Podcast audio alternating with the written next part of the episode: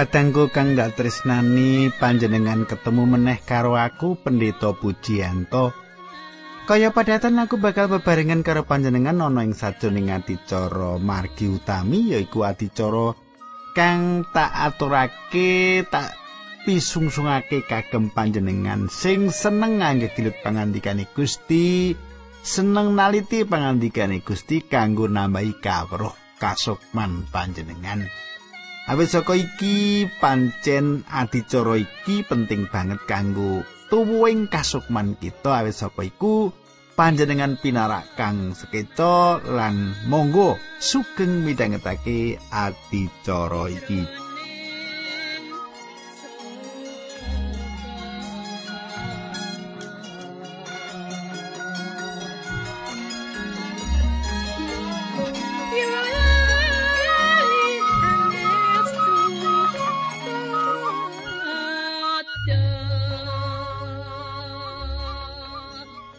Katangku apa panjenengan isi kelingan apa sing ndaturake kepungkur? Ing patemon kita kepungkur, kita wis nyemak Musa nyaritakake maneh kegayutan Yosua lan Kaleb. Banjur kepiye terusi saka perangan iki kita bakal enggal nyemak dina iki nanging sadurunge kuwi monggo kita tumungkul kita ndedonga dhisik. Duh Kanjeng Rama ingkang ada dampar wonten kraton ing kasuwargan. Ingkang kawula sambat sebuti wonten ing asmanipun Gusti Yesus Kristus kawula ngaturaken gunging panuwun. Menawi wekdal menika kawula saged tetunggilan kalian sederek-sederek kawula ingkang setya tuhu midhangetaken adicara menika. Berkahi sederek kawula menika Gusti lan supados sing dinten menika ing pepanggihan menika sederek kawula binerkahan Dinambaran asmanipun Gusti Yesus Kristus kawula ndedonga haleluya amin.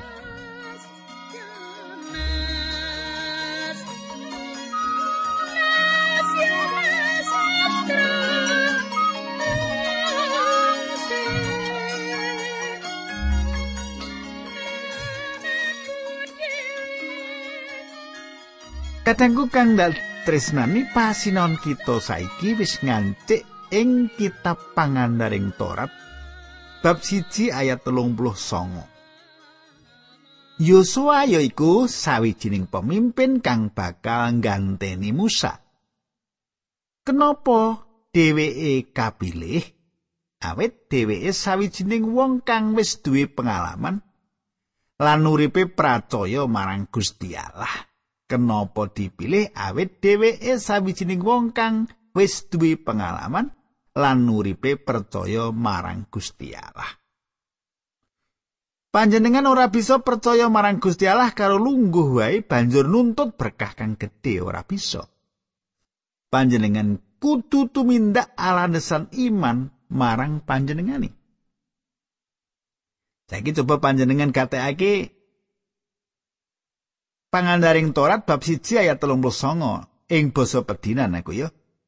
Gusti Allah banjur ngendika marang kita kabeh anak-anakmu sing cilik sing durung bisa mbedakake perkara sing ala lan sing becik sing miturut kandamu bakal direbut dening mungsuhmu kuwi sing bakal ndak pandumi tanah kuwi lan sing bakal padha manggon ing kono.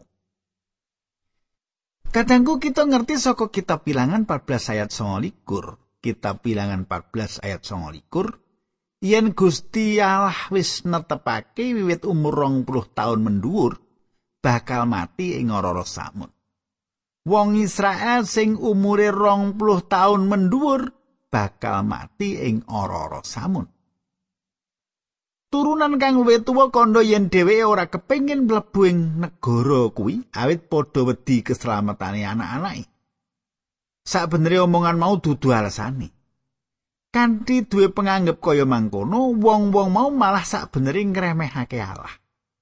Nganggep Allah ora bisa ngrekso nganggep Allah ora bisa ngayomi anak-anake. Saiki turunan kang enom iki wis temah wis bakal mlebu ing tanah perjanjian kuwi. Marang wong-wong iki Musa kondo. Coba panjenengan kata iki ayat 40 40 siji pengandareng Torat bab siji Nanging kowe kabeh padha baliyo menyang ora samun metu dalan sing tekan telu akabah. Kowe banjur padha mangsuli bapak kula sampun sami damel dosa dhateng Gusti Allah. Nanging samenika kula sami badhe majeng perang. Kados ingkang kadhawuhaken dening pangeran Allah kita. Saben wong banjur siap maju perang mergo nganggep yen ngambah daerah pegunungan kuwi perkara sepele. Katengku kang dak tresnani, wong-wong mau ngrumangsani yen wis dosa. lan ngrumangsane yen wong-wong mau ngadepi ora-ora samun menawa bali wong-wong mau mutusake tetep wae mlebu ing sajroning tanah perjanjian. Sepisan malih wong-wong mau ngrumangsane yen wis dosa lan ngrumangsani. Sadar yen wong-wong mau ngadepi ora-ora samun menawa bali wong-wong mau mutusake tetep wae mlebu ing sajroning tanah perjanjian ayat patang loro Nanging Gusti Allah ngendika marang aku aja kok tegake nuruk perang. Mergo aku ora marangake mesti bakal padha kalah. Kadangku jinis peperangan kaya kuwi ora apik. Jinis peperangan kaya mengkono ki ora apik. Kenapa? Awit bangsa Israel ora ana ing sadroning kersane Gusti Allah. Ora ana sakjroning kersane Gusti Allah. Perang kang dianake mung kadereng rasa wedi dudu awit saka kumandel marang Allah. Ayat patang puluh telu. Kowe padha ndak kandhani apa sing didhawuhake dening Allah mau? Nanging kowe padha ora nggugu. Kowe padha nglawan marang Allah lan nekat nyerang menyang daerah pegunungan.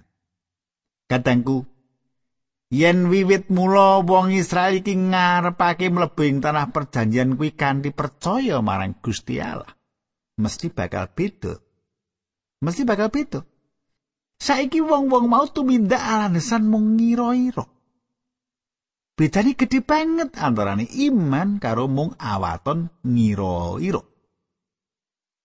Ayat patang puluh papat nganti patang puluh enam. Wong amori sing podo manggon ing kono li podo maju perang. Tawur karo wong Israel cacahe akeh banget kaya taun kambu. Kue padha diuyak nganti tekan kutha Horma ana ing daerah Edom kono kue diserbu entek-entekan. Kue banjur padha sambat-sambat marang Allah nyuwun pitulungan nanging panjenengane ora kersa nulungi. Kita padha leren ing kades kono nganti rada suwi. Kadangku panjenengan semak. Wong-wong mau suwan marang Gusti, nangis lan mertobat. Nanging apa wong-wong mau nangis amarga wong-wong mau ora bangun turut marang Gusti Allah? Apa wong-wong mau nangis amarga ora bangun turut marang Gusti Allah? Ora. Wong-wong mau nangis awit wong Amori ngoyak dheweke. Anggone kala perang kuwi kang dadi jalaran wong-wong mau nangis. Saterusé kita ngancik ing pangandaring Torat bab loro. Bab loro ayat siji, loro telu. Wekasane kita banjur padha bali meneh menyang ora samun, metu dalan sing tekaning telo akaba, kaya sing didhawuhake dening Allah. Nganti suwe banget kita padha ngumbara ana ing saubengi pegunungan Edom. Gusti Allah banjur ngendika marang aku, yen wis cukup suwe nggon kita padha ngumbara ngubengi pegunungan Edom kono, kita didawi mlaku ngalor. Kadangku kang ditindakake wong-wong Israel kuwi ya iku ngubengi pegunungan Edom. Aku kuatir kita uga nindakake perkara kang padha. Ayat 4 dan 5. Gusti Allah ngendika karo aku supaya ngandani kowe mengkene. Ora suwe meneh kowe bakal mlebu ing daerah pegunungan Edom. Panggonane sedulur-sedulurmu anak turune Esa, wong-wong kono bakal padha wedi karo kowe. Nanging aja kok serang, merga tanahe setapak wae ora ana sing bakal ndak paringake marang kowe. Tanah Edom wis ndak paringake marang Isa. Katengku sing ditresnani Gusti Allah. Ing perwaning dumadi 36 kita bisa nyemak yen tanah kutha Edom utawa Seir wis diparingake marang Isa minangka tanah darbe.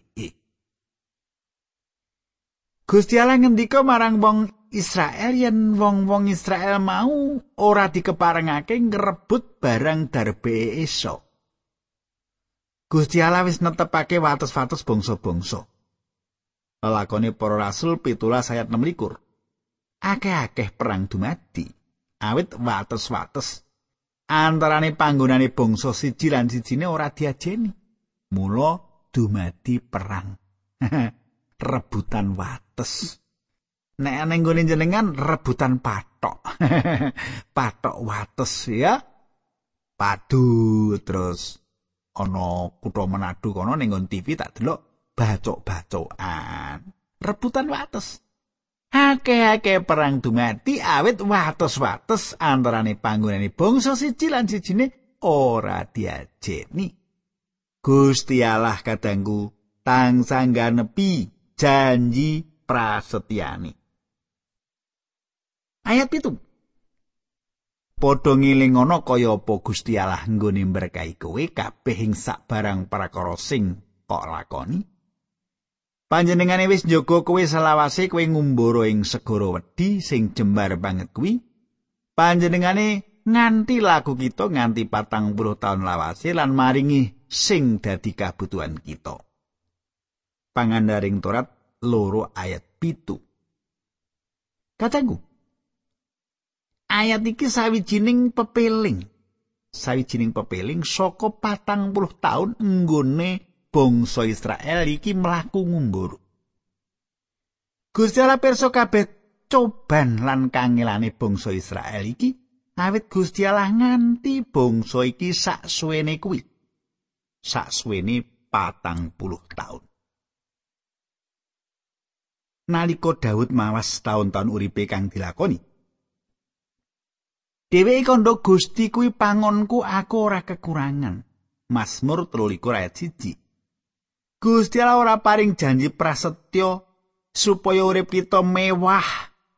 Nanging Gusti Allah nyawisake sakabehing kabutuhane urip kita.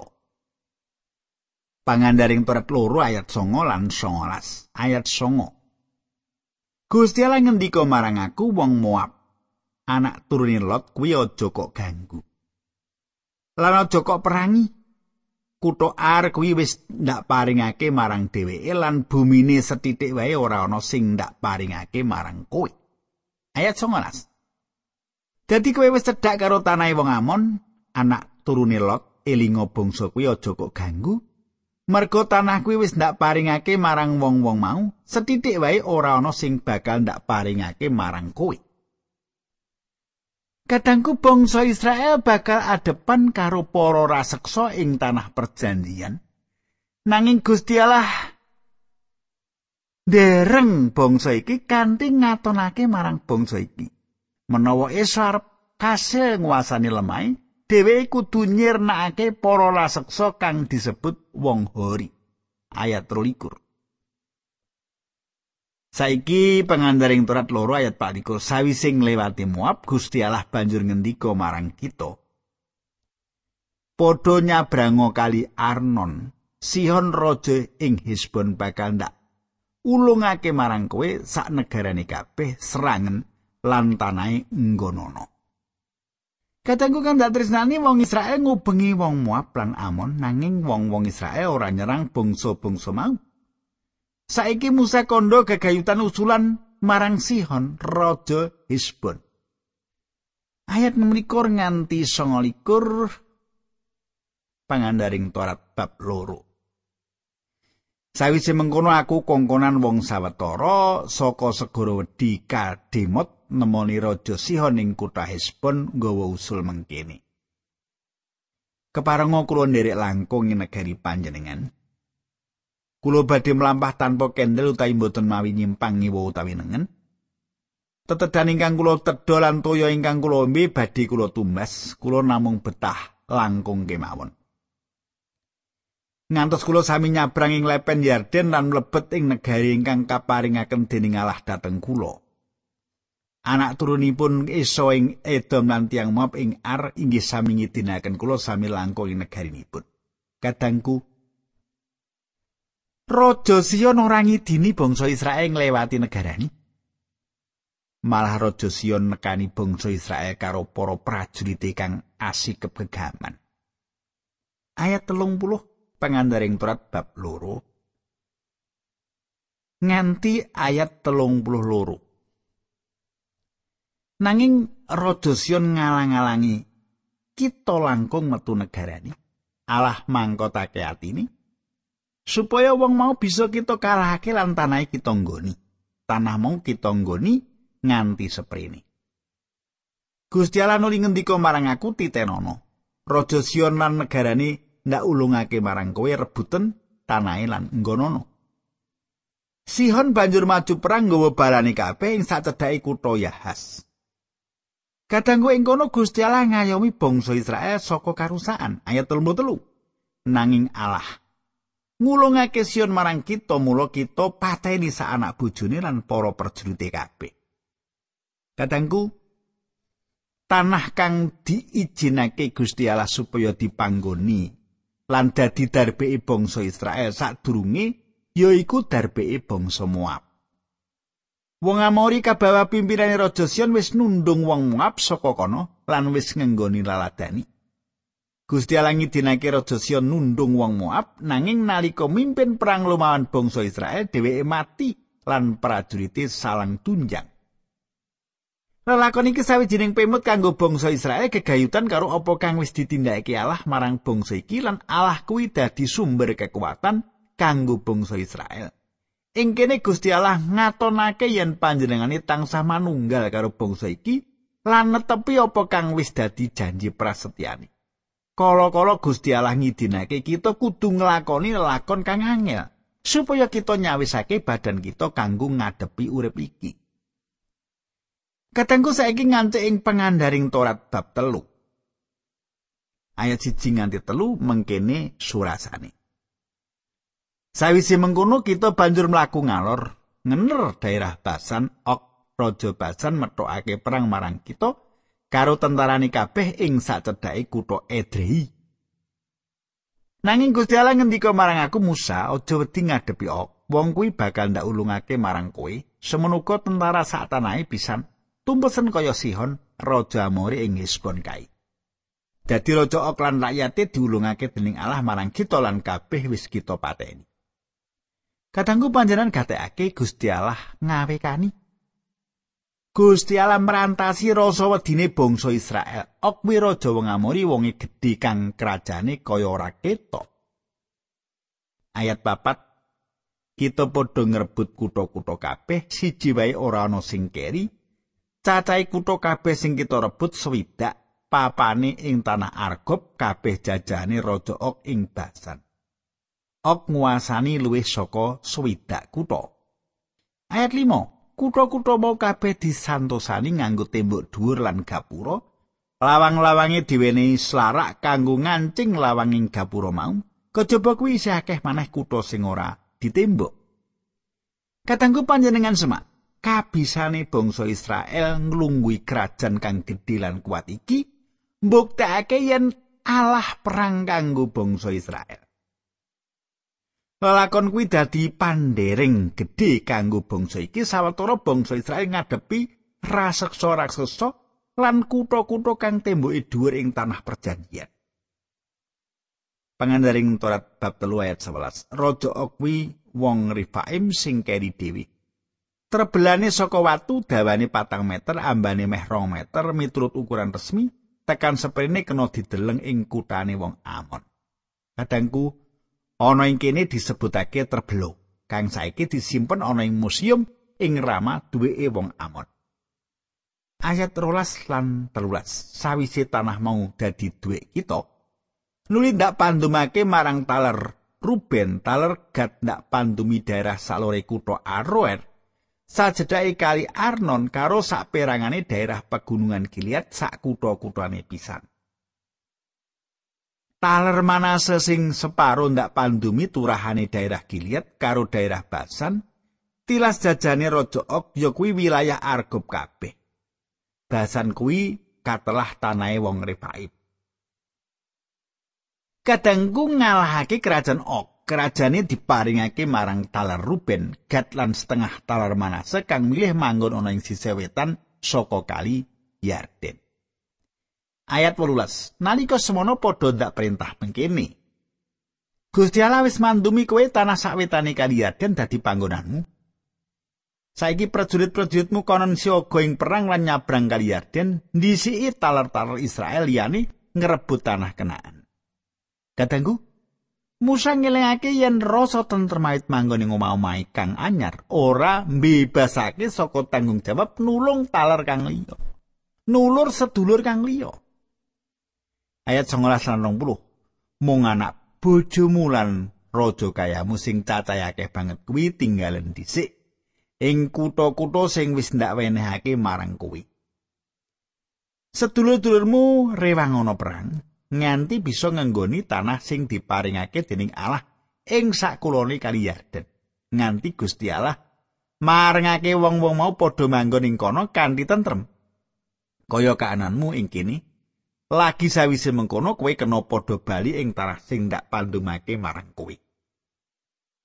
Kadangku saiki Musa mawas meneh pengalaman pribadine karo Gusti lan alasan kenapa dheweke ora didinake mlebu ing sakjroning tanah perjanjian bebarengan karo bangsa Israel. Saiki Musa mawas meneh pengalaman pribadine karo Gusti lan alasan kenapa dheweke ora didinake mlebu ing sajroning tanah perjanjian bebarengan karo bangsa Israel. Saiki terus ke ayat 23 nganti ayat 17. Mengkene surasani. Nalika semono aku nyuwun marang pangeran, Duh Allah ingkang maha luhur. Kula mangertos bilih menapa ingkang paduka tedahaken dhateng kula semangke menika sawek piwitaning pakaryan paduka ingkang ageng lan elok. Mboten wonten ing langit utawi ing bumi ingkang saged nindakaken kaeloan kados paduka. Mugi Gusti marangaken kula nyabrang ing lepen Yarden supados kula saged ningali siti ingkang subur lan daerah parden sisih ngrika lan parden Libanon ingkang indah menika. Nanging ya merga penggawimu Gusti Allah duka karo aku, mula panjenengane ora ngabulake panyuwunku. Malah panjenengane ngendika wis cukup semene wae Musa, perkara iki aja kok sebut-sebut maneh. Munggah ing pucaking Gunung Pisga ndelengong mangalor lan mengidul ngetan lan ngulon, titenono apa sing kok deleng kuwi merga kowe Musa ora bakal nyabrang ing kali Yarden. Kadangku kang dak tresnani Musa nyuwun karo Gusti supaya diidinake mlebu ing tanah perjanjian kang wis dadi tujuane saksuwene patang puluh taun. Kadangku iki dadi wulangan kang aji tumrap kita. Senadyan kita mertobat atas dosa-dosa kita. Kita kudu nampani akibat ing sajroning urip kita. Apa panjenengan seneng apa ora? dosa kuwi duwe tipak. Wis diapura dosa kita ning tipake isih ana. Mbuh panjenengan seneng, mbuh panjenengan ora, panjenengan tetep nampani akibat. Nanggung akibat dosa sing panjenengan tindake sinadyana diapura. Ayat 12. Yosua weneh ana pituduh-pituduh hatine kuwatno marga dheweke sing bakal ngirit bangsa iki mlebu lan nggoni tanah ing sabranging kali kono tanah sing wis kok deleng saka pucake gunung Pisga kadangku Musa ngatonake kanthi cetha marang turunan anyar kang wis siap mlebu ing tanah perjanjian iki. Yosua yaiku wong kang dipilih Gusti supaya dadi pemimpin bangsa Israel. Kadangku kang dak tresnani tak beleni maneh ya. Coba kaya Musa nyuwun karo Gusti supaya ditilake mlebing tanah perjanjian wis patang puluh tahun diperjuangake ngantek supaya bisa nggayuh tekan tanah perjanjian nang Gusti Allah ora ngeparengake awit patrap sing ditindakake Nabi Musa nganti ndadekke cuwaning penggali Allah. Wasana Gusti Allah ngendika karo Musa. Ngendika karo Musa, wis cukup semene wae Musa. Perkara iki aja kok sebut-sebut meneh. Liri Gusti Allah ora marengake mlebu ana ing tanah perjanjian. Tanah kang wis diprastiyake Gusti marang bangsa Israel. Iki dadi pemut aku mau kandha ngono karo panjenengan. Iki dadi pemut dadi wulangan kang aji tumrap kita aja seneng panjenengan iki dolanan dosa. panjenengan dolanan dosa panjenengan bakal nampa akibate sinaosa nek panjenengan bertobat diapura dosa-dosa panjenengan ning panjenengan gelem ora gelem kudu nampani akibat saka dosa kuwi. Nah katangku diteruske dino candai. Kita bakal sinau terus kita pulangan ayat-ayat saat teruse lan tak suwun panjenengan aja ngantek ora mirengake. Aku ngaturake panuwun marang panjenengan kabeh sing wis nglayangi aku. Ayo kita tutup kanthi pandungu. Duh Kanjeng Rama ing swarga kawula ngaturaken gunging panuwun menawi wekdal menika kawula saged sesarengan midhangetaken sabda pangandikan paduka. Kawula saged sinau dawuh pangandikan paduka. Matur nuwun sanget Gusti Yesus linambaran asmanipun Gusti Yesus kawula ndedonga lan matur nuwun. Amin.